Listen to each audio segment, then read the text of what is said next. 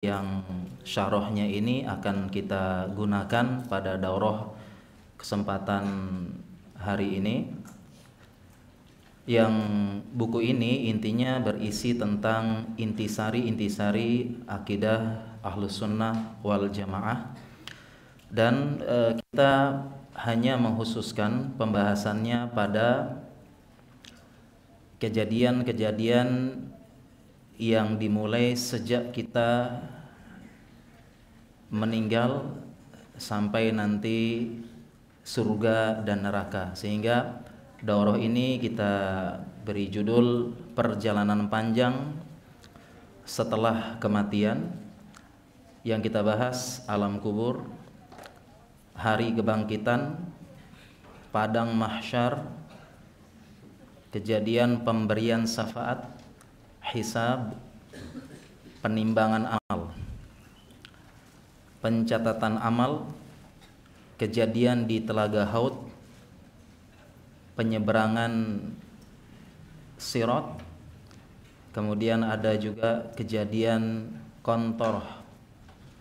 Jadi sebelum surga setelah sebelum surga dan setelah Sirot ada kontoroh yang intinya kaum muslimin semuanya para peserta daurah kita seorang muslim harus mengetahui kejadian ini karena mau tidak mau kita akan melewatinya. Bahasa Arab silahkan baca terjemahnya.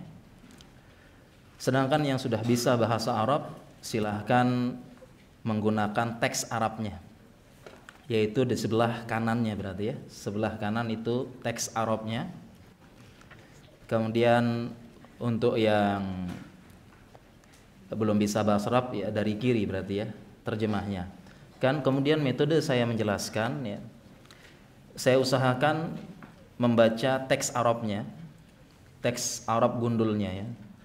Jadi ini bermanfaat bagi penuntut ilmu ya mengambil istifadah karena bisa seorang muslim mempersiapkan kehidupan yang lebih akhir nanti. Kehidupan yang lebih khalidan mukhalladan fiha abada. Kekal kekal dan dikekalkan selama-lamanya. Kalau dia tidak belajar nikmatnya itu benar. Adanya tidak sebagaimana orang-orang liberal yang sekarang banyak mengingkari ya menggunakan akal dan sebagainya dan hal seperti ini ada bukunya sudah ada dicetak. Sudah ada dicetak bukunya ya. Wa qad ista'adha Nabi sallallahu alaihi wasallam minhu, Nabi sallallahu alaihi wasallam meminta perlindungan dari azab kubur wa amara bihi fi kulli salatin dan Nabi sallallahu alaihi wasallam memerintahkan di setiap salat ya. Setiap salat kita berdoa ya Allahumma inni a'udzubika min azabil qabri wa min azabi jahannam wa min fitnatil mahya wa mamat wa min fitnatil masihid dajjal. Setiap salat kita berlindung kapan? Ketika sebelum salam kita baca doa tersebut. Wa fitnatul qabri haqqun, fitnah kubur itu benar. Eh, fitnah kubur yaitu azab kubur. Jadi beda antara azab kubur sama eh, soal di kubur ya. Ber berbeda antara azab kubur dengan fitnah kubur. Azab kubur siksanya, sedangkan fitnah secara bahasa Arab artinya imtihan, ujian yaitu pertanyaan. Jadi beda antara azab kubur dan fitnah kubur. Fitnah kubur yaitu su'alu mungkarin wa nakirin hakun yaitu fitnah kubur itu ujian, pertanyaan ya. Kita kalau ujian kan ditanya ya, wawancara, jawab pertanyaan. Hakun benar. Wal ba'tsu badal maut hakun dan kebangkitan setelah kemaut ke kematian benar dan ini yang banyak diingkari oleh orang Quraisy saat tersebut. Saat waktu itu orang Quraisy tidak percaya dengan hari kebangkitan. Ma hiya illa hayatunna namu hayatuna namutu wa nahya. Wa ma yahlikuna illa dahar. Kata orang Quraisy saat itu mereka enggak percaya. Ya ini hanya sekedar kehidupan saja. Mati, hidup, mati. Dan tidak ada yang bisa membinasakan kami hanya sekedar waktu saja. Oleh karena itu ayat yang paling ayat-ayat yang paling sering muncul yang pertama kali ayat-ayat yang sering apa, diturunkan Allah di uh, Mekah ya, banyak berkisah tentang hari kiamat supaya melawan keyakinan orang Quraisy dan saat ini pun sudah banyak yang seperti ini yang terang-terangan tidak percaya hari kiamat ilmuwan ilmuwan-ilmuwan hebat setelah melihat matahari, bumi, bulan bukannya bertambah beriman, tambah tidak percaya dengan Allah karena semuanya bisa dijelaskan secara logika dan ilmu pengetahuan. Sehingga di mana Allah berarti? Di zaman dahulu diceritakan tentang bumi yang berputar, matahari yang berjalan, bulan yang bergantian lihat tanda kebesaran Allah Subhanahu wa taala. Orang zaman dulu subhanallah ya, besar Allah. Sekarang matahari berputar, galaksi dan perjalanan dan sebagainya subhanallah. Sekarang bisa dijelaskan dengan ilmu pengetahuan. Oh, matahari berputar oh begini sebabnya e, matahari berkeliling ya, mengelilingi pusat galaksi oh begini oh ternyata kejadian gerhana masa nanti kita jelaskan panjang lebar oh, di Indonesia ini sudah muncul orang-orang seperti ini yang terang-terangan menghina Allah menghina Allah ya sudah banyak maksiat di mana-mana kok tidak turun azab katanya karena cerita Nabi Lut hanya cerita dongeng saja. Subhanallah ada terang-terangan dan yang lain-lain. Allah tunjukkan nanti di hari kiamat. Hatta yashfa'a bihim nabiyya nabiyina nabiyuna nabiyuna Muhammadin Muhammadun sallallahu alaihi wasallam sampai Nabi SAW memberikan syafaat pada hari kiamat. Nanti kita ceritakan kisah yang panjang bagaimana manusia menuju eh, berbagai eh, nabi ulul azmi dan meminta syafaat. Akhirnya Nabi Muhammad SAW memberikan syafaat yang besar syafaatul uzma. Di saat itu intinya keadaan sangat sulit di padang mahsyar nanti. Dan kita jelaskan nanti apa saja rincian kesulitan-kesulitan di padang mahsyar sangat sulit dan susah dan mereka meminta segera. Jadi mereka syafaat tersebut bukan untuk meringankan. Bukan mereka bukan minta diringankan saat itu, tapi syafaat saat itu meminta agar Allah segera memulai persidangan. Jadi bukan diminta tolong ringankan tapi segera ya Allah mulai persidangan. Karena saat itu manusia menunggu keadaannya tidak jelas dan sulit ya Allah. Jadi syafaat Nabi itu untuk memulai persidangan. Supaya Allah memulai persidangan. Karena keadaan ini sangat sulit. Terlalu lama kita menunggu persidangan. Segera aja mulai persidangan. Bahkan orang kafir pun saat itu orang yang sudah menyadari dirinya celaka jadi orang yang menyadari sudah tahu jadi orang tersebut sudah tahu keadaannya sejak mau dicabut nyawanya. Dia sudah tahu dia sudah tahu kira-kira perkiraan kuat dia saya celaka atau tidak setelah nyawa dicabut dia sudah tahu Bahkan orang-orang saat itu orang kafir orang itu karena beratnya keadaan padang mahsyar dan dia sudah tahu sebenarnya mau masuk neraka. Mereka pun berharap segera saja mulai persidangan ya Allah. Masuk neraka udah masuk neraka aja. Daripada keadaan seperti ini tidak jelas. Dengan waktu yang sangat lama ya sebagaimana nanti kita jelaskan al innal yawma inda inda rabbika ka alfi sanatin mimma ta'udun sesungguhnya satu hari di sisi Rob kalian seribu tahun di bumi. Saking dahsyatnya saat itu orang yang sudah siap merasa akan masuk neraka, celaka, udah mulai aja di persidangan. Lebih baik masuk neraka daripada seperti ini, keadaan padang masyar yang sangat sulit, berat dan kita sebutkan nanti rincian-rinciannya. Kemudian wa yuhasibuhumullahu tabaraka taala. Kemudian Allah menghisap mereka, menghitung amalnya dan mengadili dengan pengadilan yang seadil-adilnya. Semua dibalas yang paling rinci semua amal tidak ada sedikit pun semua akan dibalas rincian ya serinci-rincinya tiap detik tiap saat semua dibahas kemudian watun sabul mawazinu kemudian ditegakkan timbangan. Nanti akan dijelaskan timbangan.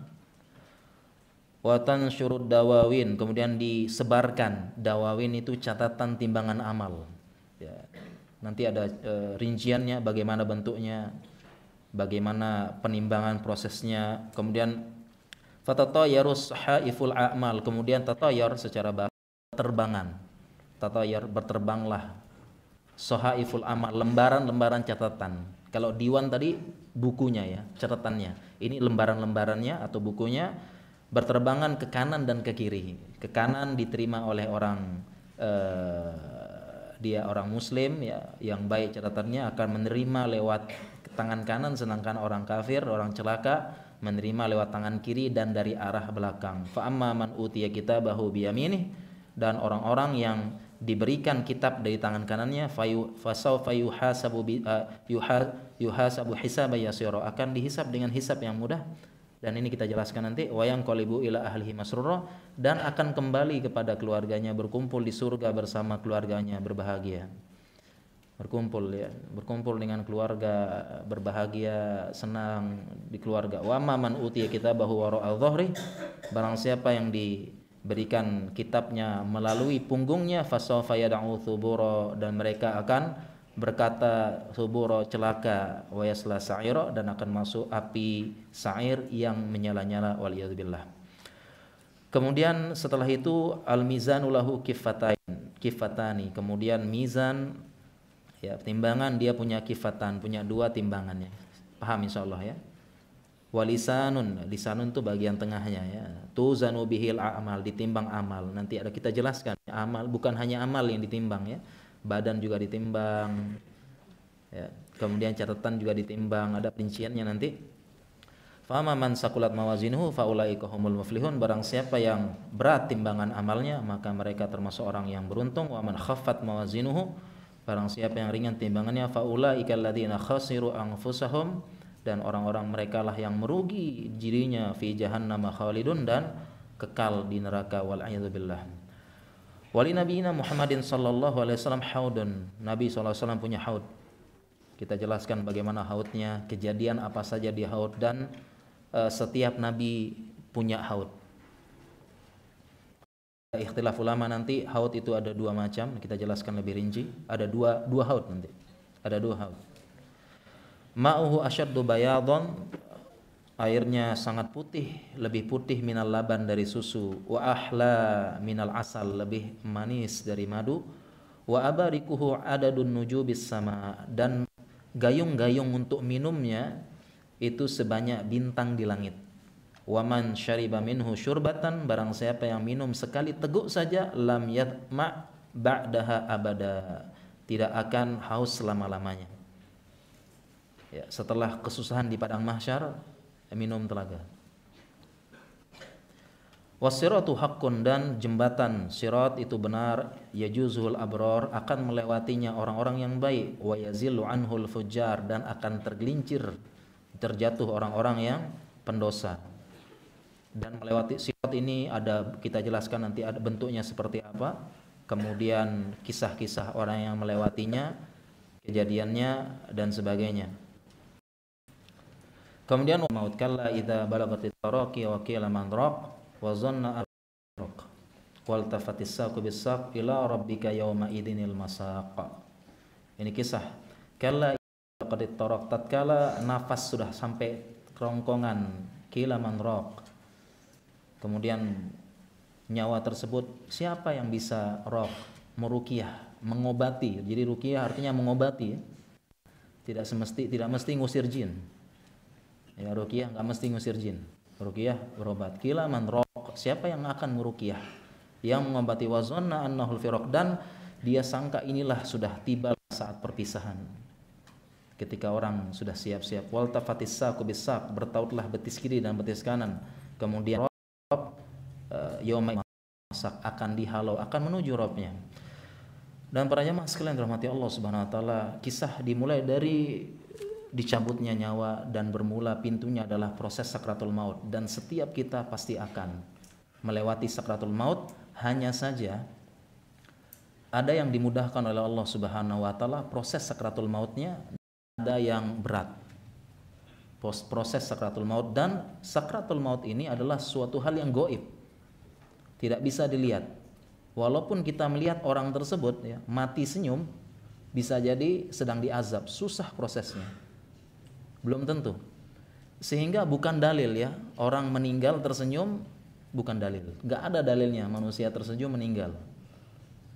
Ya, dan demikian juga ada juga proses meninggalnya sulit ya. Kalau kita di rumah sakit banyak kita lihat proses meninggal sulit ya. Ada yang napasnya tersengal-sengal dahulu, ada yang sampai kejut-kejut, ada yang agak dia badannya sampai uh, uh, apa namanya dia bergetar sedikit meninggal itu belum tentu sedang diadab ini perkara goib. Hanya saja para jamaah sekalian terkadang terkadang Allah tampakkan. Nanti kita bahas ya dia terkadang dan eh, Nabi kita sallallahu beratnya dan Nabi kita sallallahu alaihi wasallam merasakan beratnya sakratul maut. Rasulullah sallallahu alaihi wasallam beliau termasuk yang merasakan beratnya sakratul maut. Kenapa beliau mengatakan ini? Karena setiap nabi sebelum dicabut nyawanya pasti ditanya dulu, masih mau dunia atau akhirat? Pasti ditanya semua nabi dan Nabi SAW ketika ditanya beliau langsung memilih ila rofiqil a'la ada dua tafsiran di sini. Pertama ila rofiqil a'la nama Allah. Rofiq ar-rofiq ala ala. Tafsiran kedua adalah rofiq adalah teman. Ala ala teman-teman beliau yang tinggi menyusul para nabi dan ambia rasul menyusul. Dan ketika Aisyah mendengar perkataan ini, Aisyah sudah tahu karena Aisyah berilmu. Dia sudah tahu. Kemudian dia mengatakan Aisyah mengatakan ida idan la yakhtaruna. Rasulullah SAW tidak memilih kita. Dan Rasul dan meskipun meskipun wajah Rasulullah SAW ditutup oleh penutup, tetapi Aisyah melihat karena di pangkuan beliau tinggal begini sedikit kelihatan kelihatan di bawah di bawah tutupan kain tersebut sedang susah wajah beliau. Ya, sehingga Aisyah ya karena tahunya nah suatu hari kami keluar bersama Rasulullah Shallallahu Alaihi Wasallam membawa jenazah laki-laki Ansor. Kemudian setelah menguburkannya, tiba-tiba kami duduk dan Rasulullah SAW duduk di situ, seolah-olah di atas kepala kami ada seekor burung. Artinya diam semuanya tidak bergeming sama sekali mendengar hadis dari Rasulullah SAW kemudian Rasulullah SAW mengambil kayu dan menusuk-nusuk tanah kemudian beliau melihat ke langit. Ya jadi setelah ke bawah kemudian dilihat lagi ke, ke langit. Ya kemudian beliau lihat lagi ke bawah. Seolah-olah melihat sesuatu dan itu perjalanan ruh. Kemudian setelah itu beliau mengatakan ista'idu billahi min azabil qabri maratain atau salatan. Berlindunglah kalian dari azab kubur. Seolah-olah Nabi sedang melihat sesuatu. Dilihat bawah ke atas lagi, dilihat bawah lagi. Ternyata memang ada kisahnya. Kemudian beliau ceritakan tentang perjalanan ruhnya seorang mukmin. Ketika mukmin dicabut, ya ketika akan dicabut, ya berakhir hidupnya seorang mukmin dan semoga kita yang termasuk. Turunlah malaikat yang berwajah putih bagaikan matahari, membawa kafan dari surga dan wangian dari surga. Kemudian duduk di depan uh, calon mayat tersebut sedangkan malaikat maut ada. Jadi ketika proses dicabutnya maut nyawa itu ada malaikat maut dan ada beberapa malaikat tadi. Malaikat-malaikat yang lain. Ya. Ada malaikat-malaikat yang lain ya.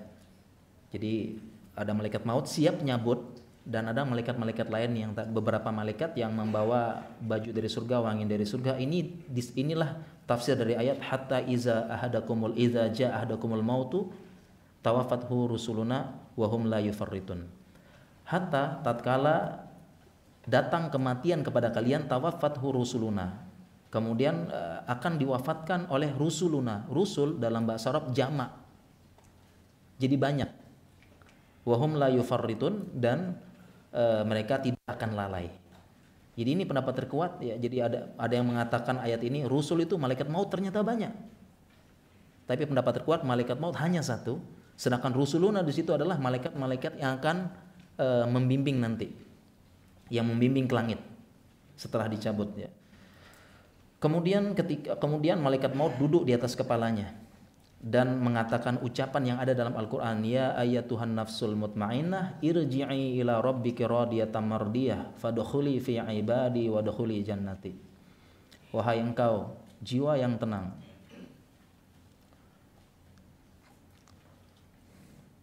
Wahai engkau, wahai engkau jiwa yang tenang,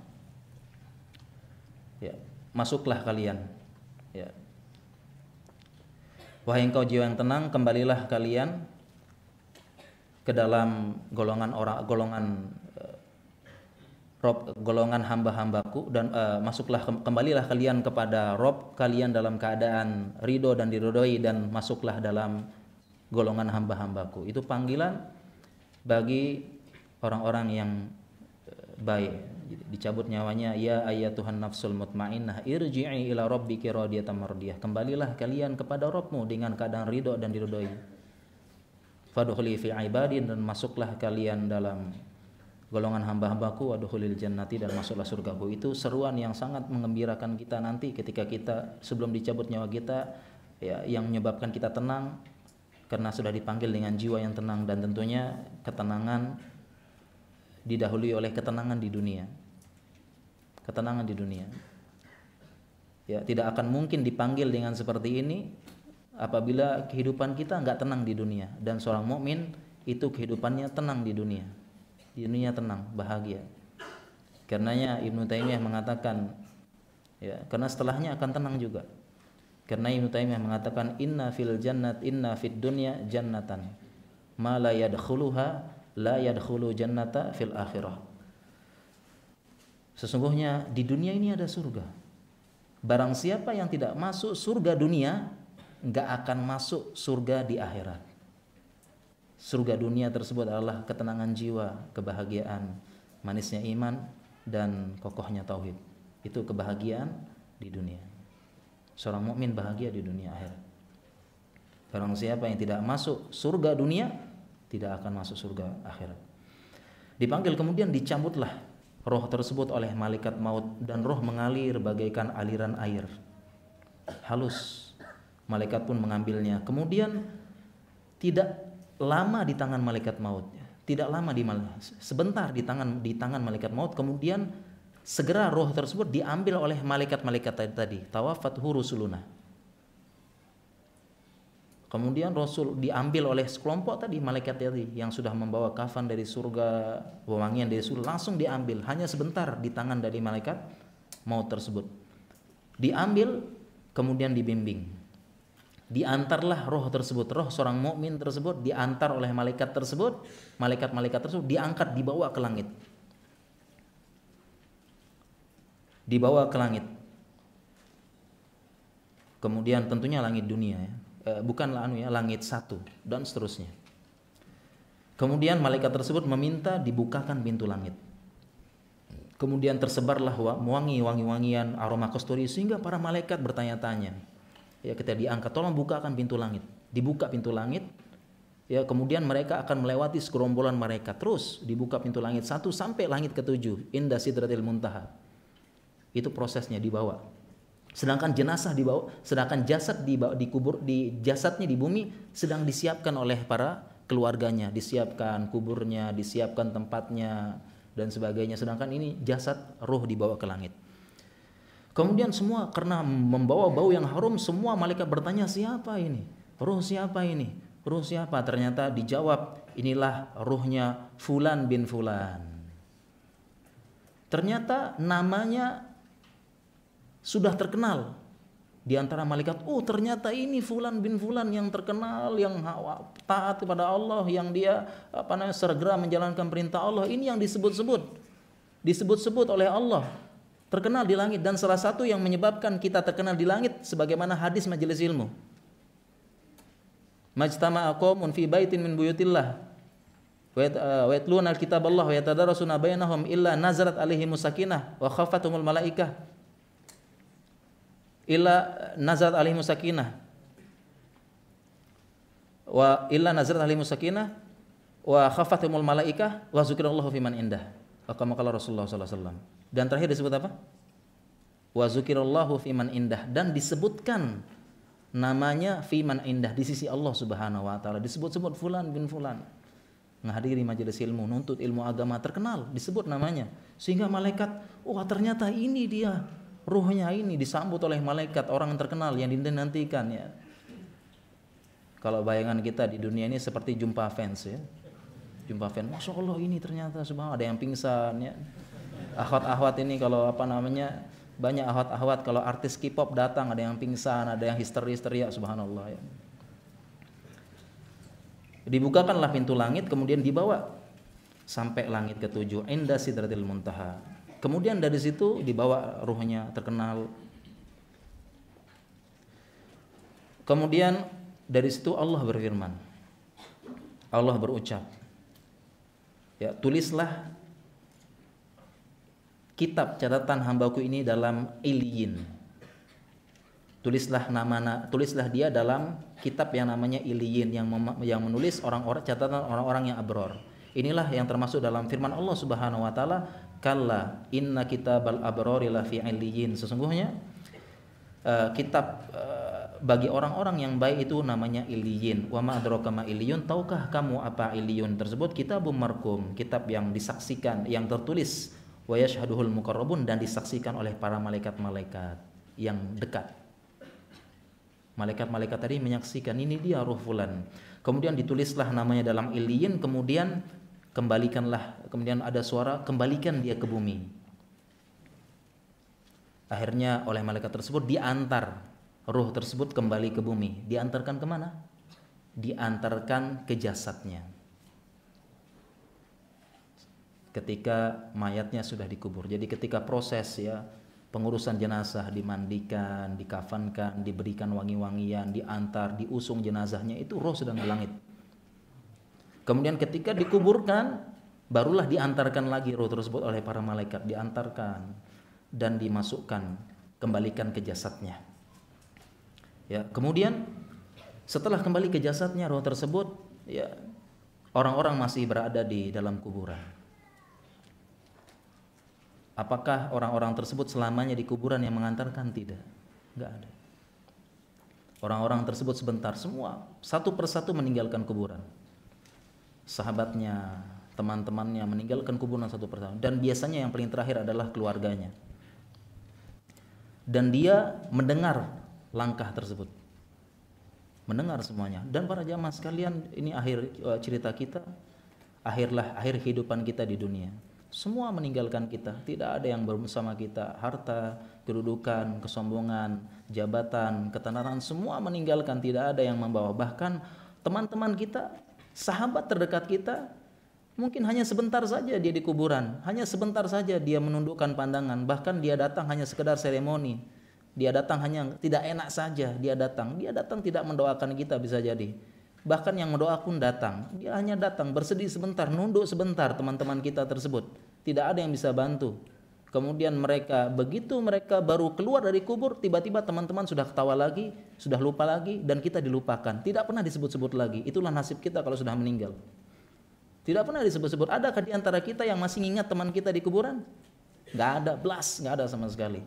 Itulah yang selama ini kita cari pengakuan mereka eksistensi mereka, pujian mereka. Itu yang kita cari-cari. Kita tidak pernah diingat-ingat lagi ketika sudah sudah mati. Tidak ada. Ya, tidak ada. Mereka hanya sebentar saja sedih, baru keluar kuburan sudah bercanda-canda di mobil di mana ketawa-tawa lagi. Sudah dilupakan, selesai. Ya. Sehingga ketika delapan langkah terakhir, yang paling terakhir adalah keluarganya, mungkin istrinya terakhir detapan langkah dia dengar terakhir langkah tersebut dia dengar cetek tek tek tek tes keluar saat inilah barulah baru barulah datang malaikat mungkar dan nakir. Nanti kita jelaskan siapa itu bagaimana bentuknya.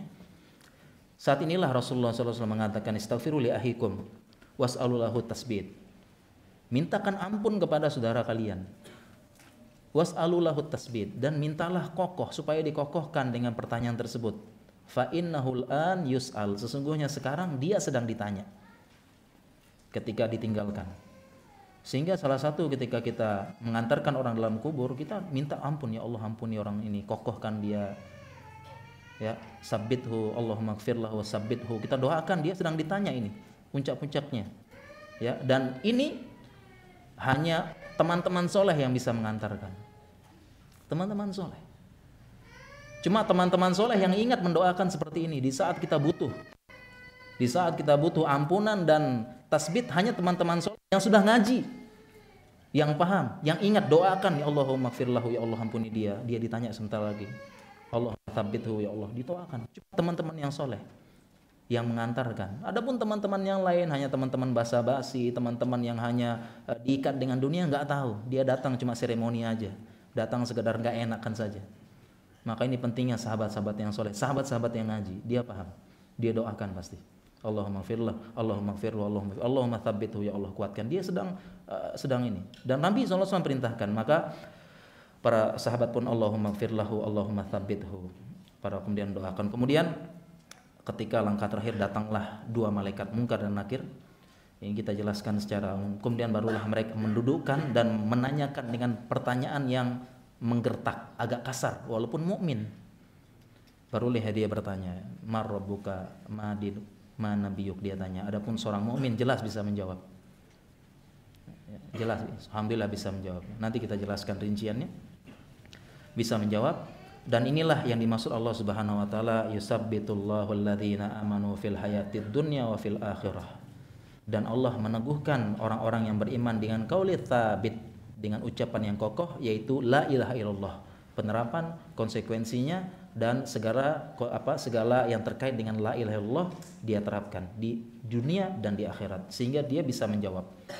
Kemudian terdengarlah suara dari langit an sadaqa abdi sesungguhnya hambaku benar maka bentangkan dia tilam dari surga, pakaikan pakaian dari surga, bukakanlah pintu menuju surga sehingga dia dapat mencium bau surga dan diperluaskanlah kuburnya sejauh mata memandang.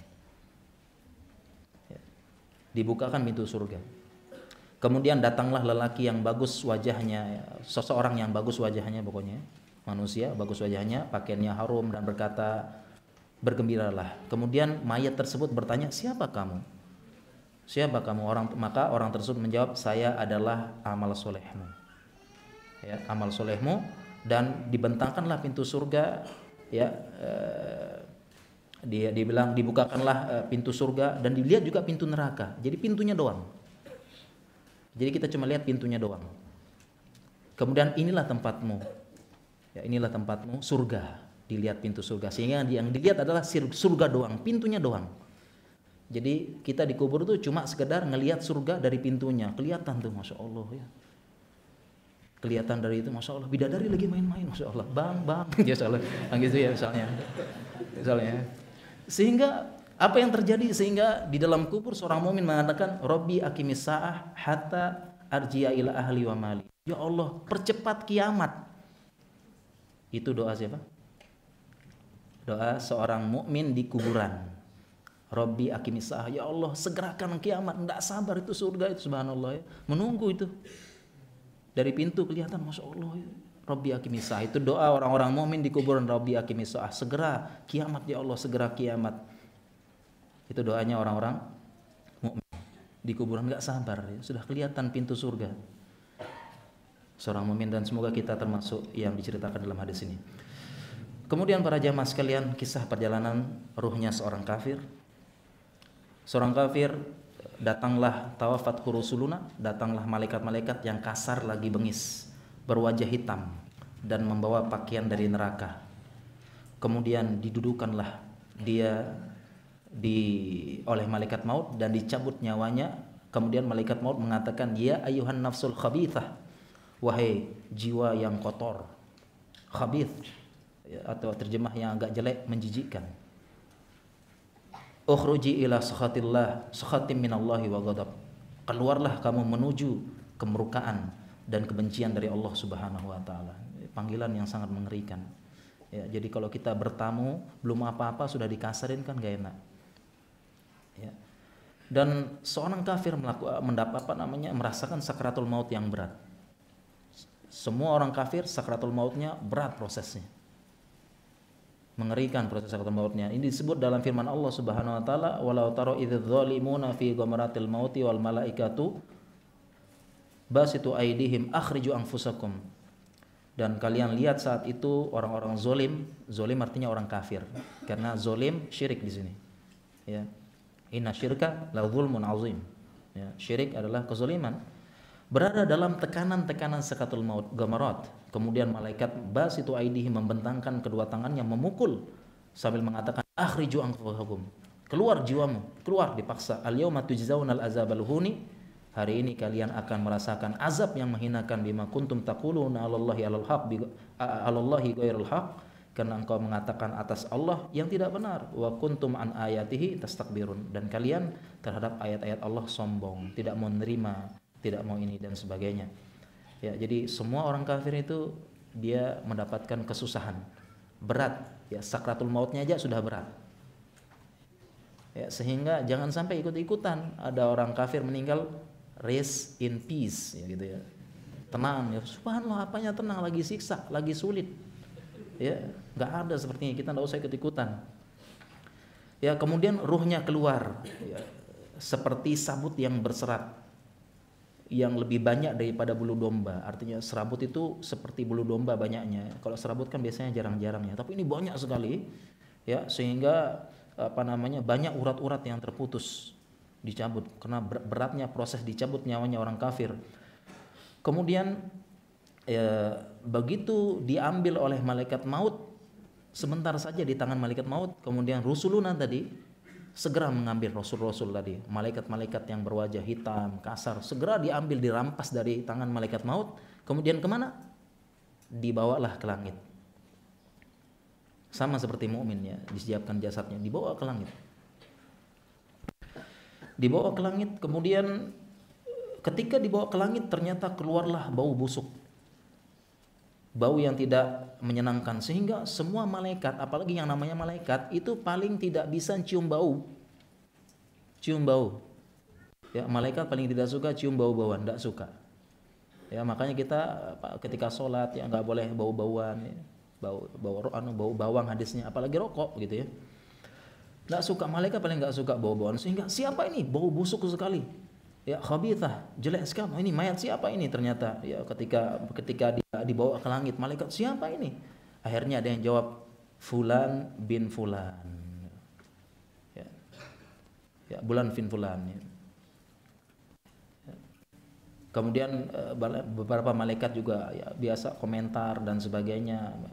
Akhirnya dibuka pintu langit. Tolong buka pintu langit. Yang antar tolong dong malaikat buka pintu langit. Ternyata para malaikat karena baunya yang sangat busuk nggak mau dibuka oleh para malaikat.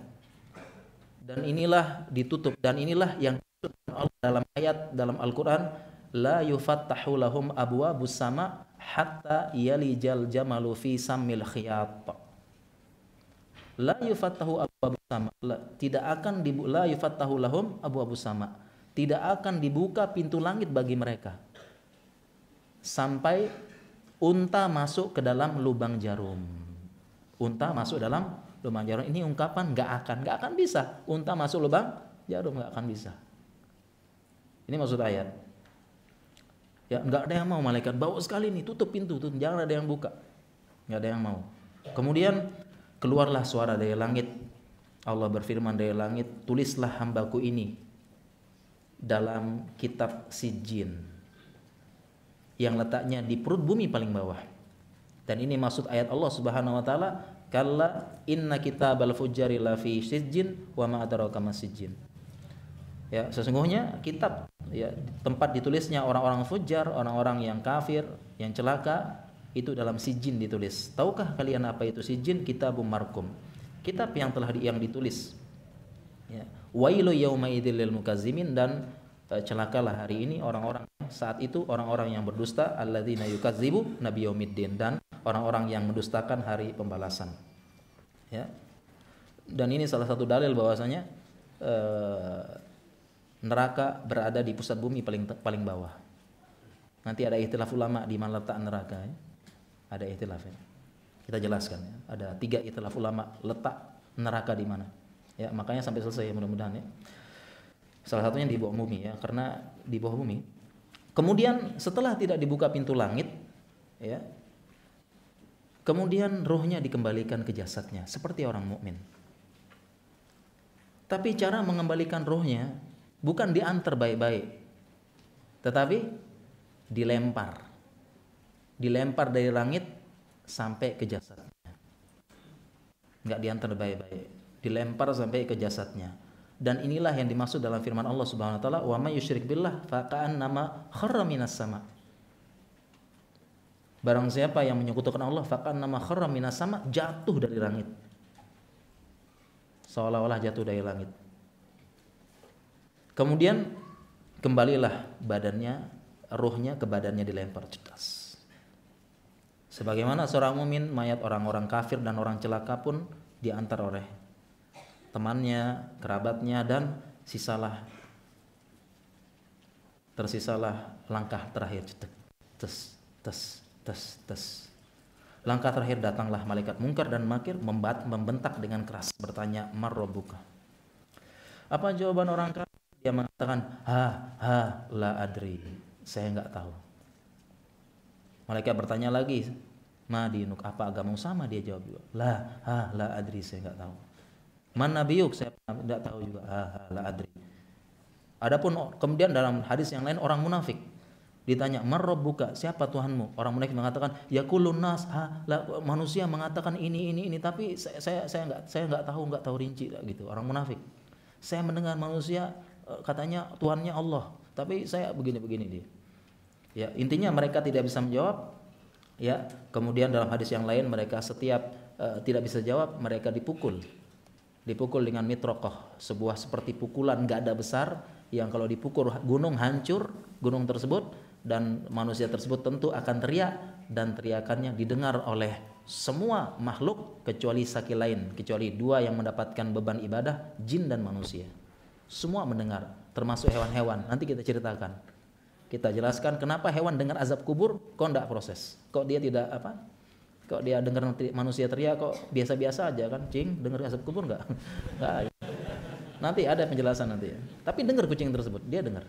Semua dengar. Ada penjelasannya eh, penjelasannya kenapa kok dia apa ya manusia lagi teriak-teriak kok dia nggak respon gitu ya? Ada penjelasannya. Kemudian eh, ya kemudian setelah itu ya eh, datanglah setelah disisa datanglah ya seseorang yang bentuknya buruk rupa jelek dan bau busuk. Dia tanya siapa engkau? Jawabannya akulah amal burukmu. Akulah amal amal buruknya. Ya, kemudian orang tersebut ya orang tersebut uh, sama seperti tadi ya, ya dia di apa disiksa dengan azab kubur. Salah satunya azab kuburnya disempit sampai dia yakhtalifu atulauhu sampai dia tulang rusuknya ini. Tulang rusuk ini kan bagus ya. Dijepit sampai dia bertindihan begini. Disiksa kemudian uh, salah satu sisaannya adalah dibukakan pintu neraka. Jadi kalau muslim dilihat surga, kalau orang kafir dan celaka dibukakan pintu neraka.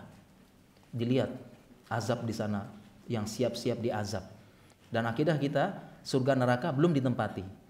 Sudah disediakan tapi belum ditempati siapa pun. Adapun hadis-hadis Rasulullah yang melihat dia diperlihatkan masa depan oleh Allah Subhanahu wa taala dan Allah Maha mampu. Kosong. Jadi kosong semuanya.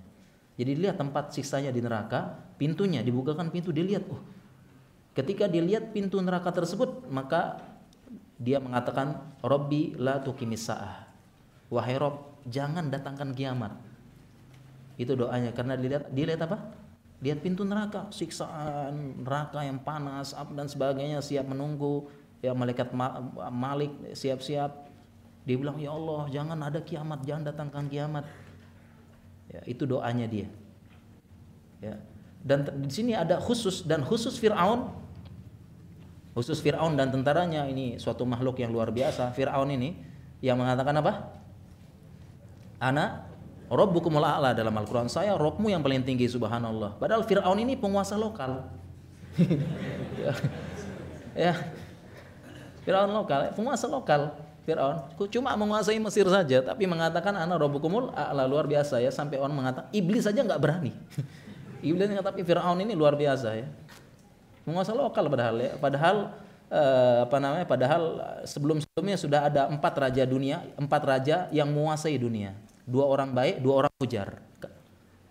Dua orang baik dua orang fujar. Yang baik katanya Sulaiman sama uh, sama Zulkarnain itu dia menguasai hampir seluruh dunia. Itu dua yang baik dua yang fujar. Yang fujar itu adalah uh, ada yang mengatakan uh, malaikat Namrud eh, Ibrahim. Satu lagi adalah yang mengatakan eh, katanya sih dalam bahasa ini bukan Nezar. Nggak tahu ya Allah alam ya. Ada dua ada dua empat raja yang hampir menguasai seluruh dunia hampir menguasai seluruh dunia duanya baik duanya muslim duanya tidak. Fir'aun penguasa lokal mengatakan apa? Anak robukumul a'la. Oleh karena itu khusus Fir'aun ya khusus Fir'aun itu di, di kuburnya dia dipampangkan neraka semuanya. Kalau kafir kan apa? Pintunya doang dibukakan pintu doang. Fir'aun dipampangkan neraka semuanya. Ini dimaksud dalam ayat an-naru yuraduna 'alaiha guduwan wa asyiyah. Dan neraka dipampangkan ya pagi dan sore. Bagi Fir'aun wa yauma taqumus wa udhilu ala fir'auna asyaddal adzab dan hari di mana akan ditampangkan akan dibangkitkan hari kiamat dan dimasukkan Firaun dan pengikutnya dengan azab yang perih. Jadi khusus Firaun ya, luar biasa Firaun. Khusus dia. Ya, sombong banget ya, insyaallah ya. Penguasa lokal sombong lagi ya. Para jemaah sekalian rahmati Allah Subhanahu wa taala, ada beberapa faedah yang lain ya, faedah yang lain yang ingin saya tambahkan. Uh, saat ketika kematian tersebut semua ingin kembali ke dunia. Semua ingin kembali ke dunia. Muslim yang lalai ingin balik ke dunia.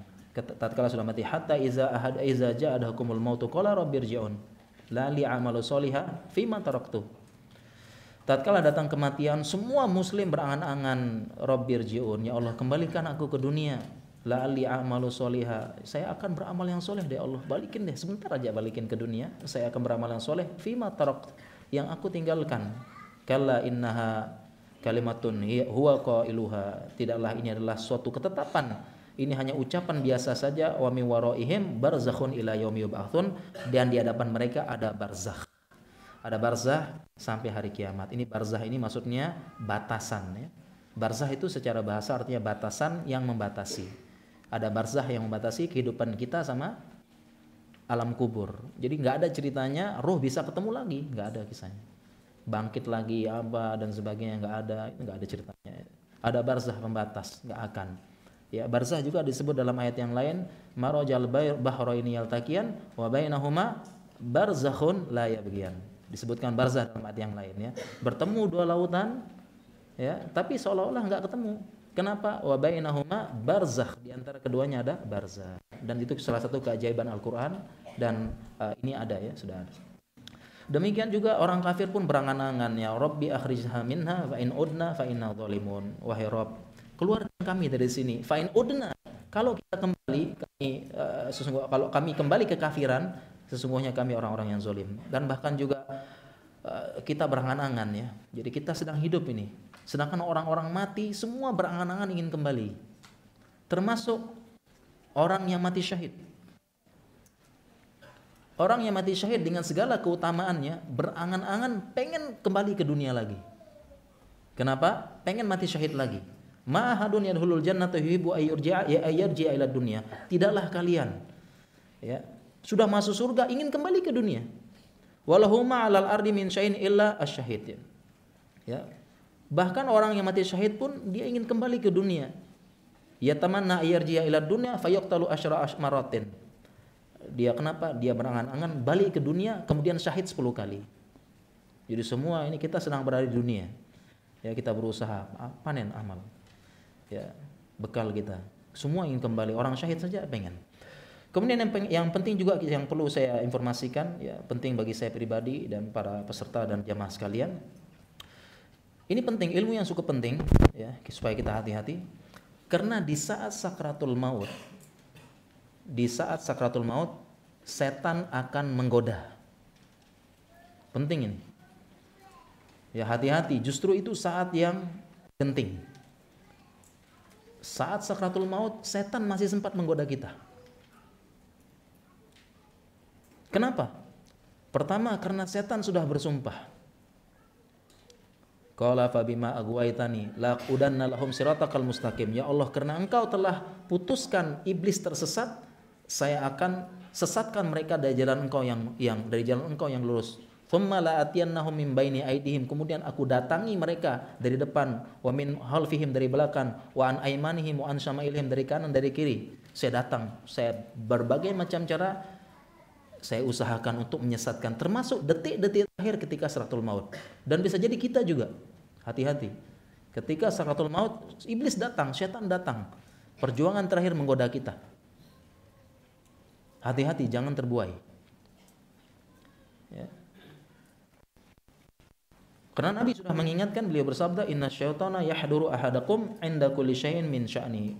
Setan datang mendatangi kalian dalam segala urusan termasuk syaratul maut sehingga ada satu doa diriwayatkan oleh Ahmad yang berbunyi a'udzubika wa a'udzubika ayatahabbata syaitan indal maut. Ya Allah, aku berlindung kepada Engkau disesatkan oleh setan, disesatkan, digoda oleh setan indal maut ketika akan mati. Jadi hati-hati para jamaah ya.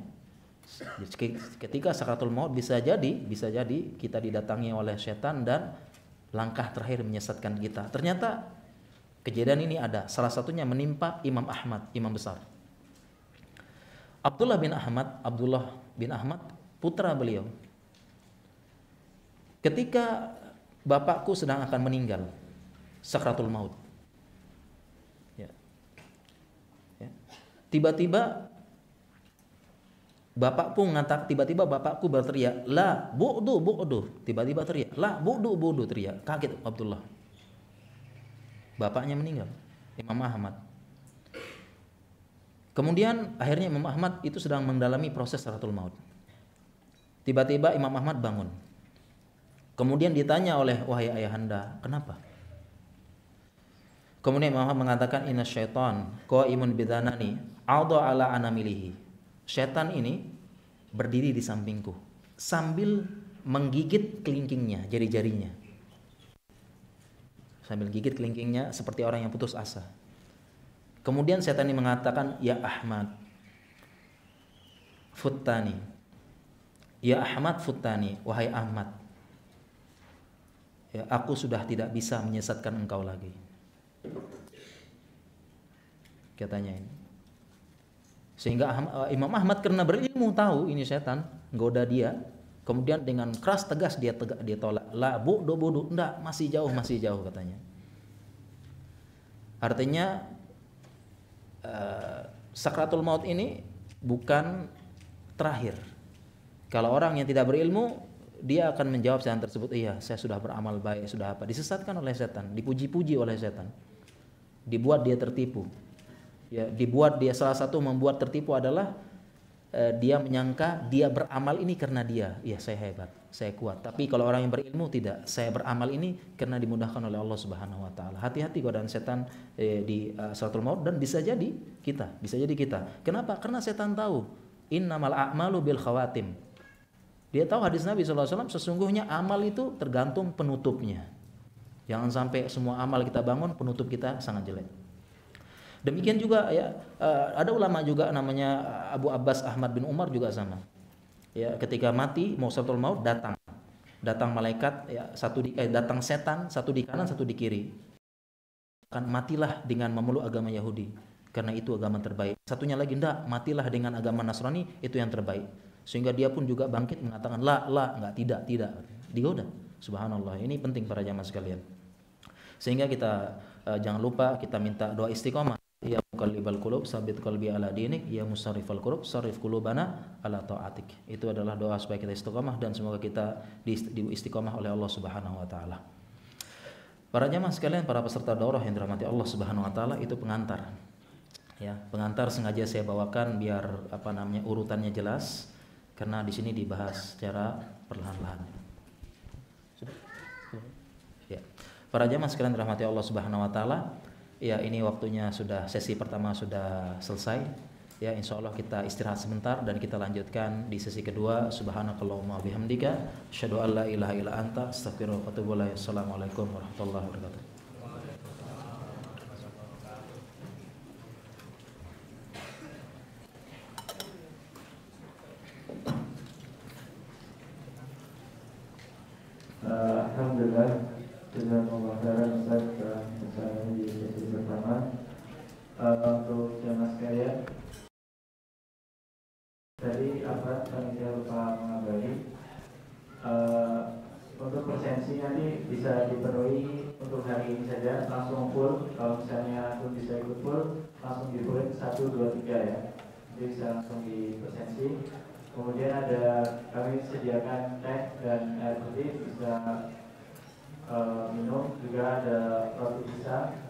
bisa dinikmati. Kemudian kami mohon bantuannya karena